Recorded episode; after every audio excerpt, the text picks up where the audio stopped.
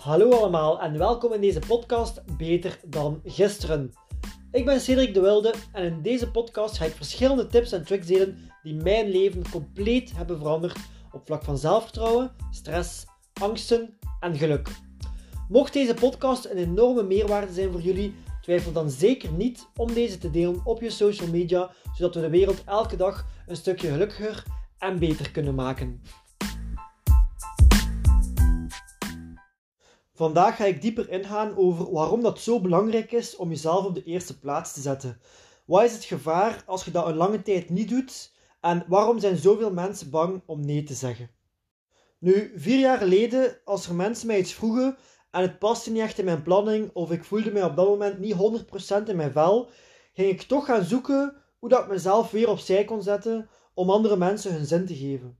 Nu, op dat moment deed ik dat om een paar redenen. Eén, omdat ik dacht dat dat normaal was. En twee, omdat ik geen nee durfde zeggen. Of omdat zoeken naar een manier hoe dat ik nee moest zeggen mij veel te veel moeite kostte. Dus zei ik maar ja. Nu, vroeger dacht ik dat uzelf op de eerste plaats zetten, dat dat egoïstisch was. En dat andere mensen mij hierop gingen beoordelen. Ik was ook bang dat mensen mij niet meer aardig gingen vinden of dat ik niet meer belangrijk zou zijn. Dus daardoor durfde ik bijna geen nee zeggen. Dus eigenlijk was ik wel egoïstisch. Want ik zei geen ja tegen alles om andere mensen te plezieren of om andere mensen te helpen. Ik zei ja omdat ik geen nee durfde zeggen. Omdat ik bang was om niet goed genoeg te zijn. Omdat ik bang was dat mensen mij gingen beoordelen. Dus het draaide vooral om mij. En toen ik daarvan bewust was, wist ik ook dat ik aan mijn zelfvertrouwen moest gaan werken. En dat was voor mij ook een enorme eye-opener. Want omdat ik weinig zelfvertrouwen had, was ik eigenlijk veel egoïstischer. Omdat ik alles deed om mijn eigen even beter te voelen. Zoeken naar bevestiging, op alles ja zeggen. En nog zoveel dingen dat ik deed om mij nooit naar bevestiging te voeden. En daar draaide het ook om. Ik was enorm op zoek naar het gevoel dat ik belangrijk was, omdat de angst om niet goed genoeg te zijn zo groot was. En dat was ook de reden waarom dat ik mezelf niet op de eerste plaats durfde zetten. En ik creëerde ook veel te veel verwachtingen, waardoor dat ik ook veel teleurgesteld was. Wat bedoel ik daarmee? Ik zei altijd ja tegen iedereen en daardoor waren mijn verwachtingen zo hoog van andere mensen dat ik ook verwachtte dat ze altijd ja gingen zeggen tegen mij. Want ja, ik doe zoveel voor andere mensen, dus ze moeten ook veel voor mij terugdoen. Maar dat gebeurde niet. En als dat niet gebeurde, dan miste ik die bevestiging waar ik zo naar op zoek was en was ik teleurgesteld. Dus daar ben ik ook echt enorm in gegroeid. Vandaag is mijn zelfvertrouwen veel hoger, dus ik geef niet meer de ja's aan mensen om iets terug te verwachten, want ik heb die bevestiging veel minder nodig en mijn verwachtingen zijn ook veel lager. Daardoor ben ik ook veel minder teleurgesteld als iemand nee zegt of als iemand iets niet wil doen en ga ik daardoor ook mijn zelfvertrouwen en geluk daar niet meer van laten afhangen. Dus geven zonder iets terug te verwachten vind ik echt, echt zalig. En het leuke is dat je daardoor veel meer geniet van de dingen die je wel terugkrijgt. En dat je veel dankbaarder bent voor de dingen die je terugkrijgt. En dat zorgt ervoor dat je nog meer wilt geven. Waardoor dat je ook nog meer zult terugkrijgen. Waardoor dat je ook nog dankbaarder zult zijn. Enzovoort, enzovoort. Nu, wat gebeurt er als je jezelf te lang op de tweede plaats zet? Als je je kind, partner of wie dan ook constant voor u op de eerste plaats zet. Je geeft constant aan iemand anders. Je zet alles opzij voor die andere persoon. Je zorgt niet meer voor jezelf en je raakt uitgeput.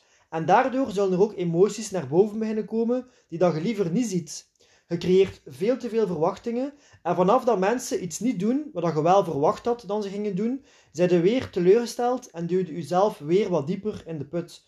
Je zelfvertrouwen gaat achteruit, omdat je niet voor jezelf zorgt. Je raakt gefrustreerd, je wordt vaker boos en raakt altijd maar dieper en dieper in de slachtofferrol.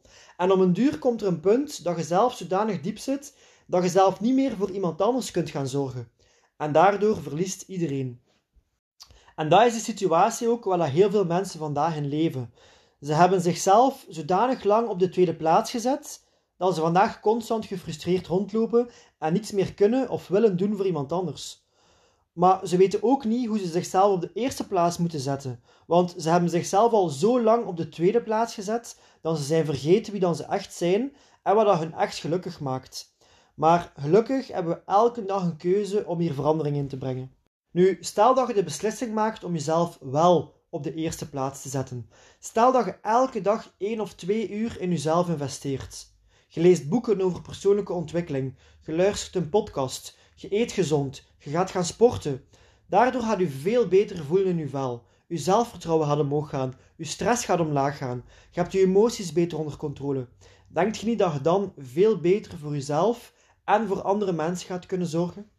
Nu, een goed voorbeeld vind ik ook de zuurstofmaskers in een vliegtuig. Als jij met je kind op een vliegtuig zit en er gebeurt iets en de maskers komen uit het plafond, wie moet er altijd eerst een masker opzetten? Eerst jezelf, zodat jij zuurstof hebt en daardoor kunt je kind veel beter helpen en kunt je kind ook blijven helpen. En dat is in het echte leven ook zo. Hoe beter dat jij je voelt, hoe beter dat je andere mensen gaat kunnen gaan helpen. En daardoor creëer je zelf je geluk, want je hebt niets meer nodig van buitenaf om gelukkig te worden.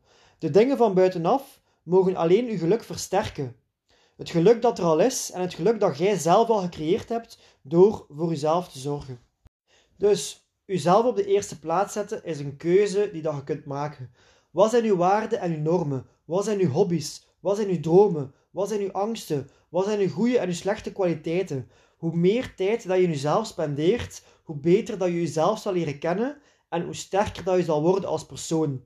En daardoor zal je andere mensen ook veel sterker kunnen maken. Want mensen doen niet wat je zegt dat ze moeten doen. Zeker niet als je het zelf niet doet. Mensen raken vooral geïnspireerd door te zien wat jij doet. En hoe dat jij daardoor beter en sterker wordt. En dat zorgt ervoor dat ze het zelf ook willen doen. Dus als je wilt dat je partner of je kind iets beter of anders doet, zorg dan eerst dat je zelf het voorbeeld toont. Zorg dan eerst dat je er zelf in groeit en daardoor zullen ook die personen inspireren. Mensen volgen niet uw woorden, maar uw voorbeeld.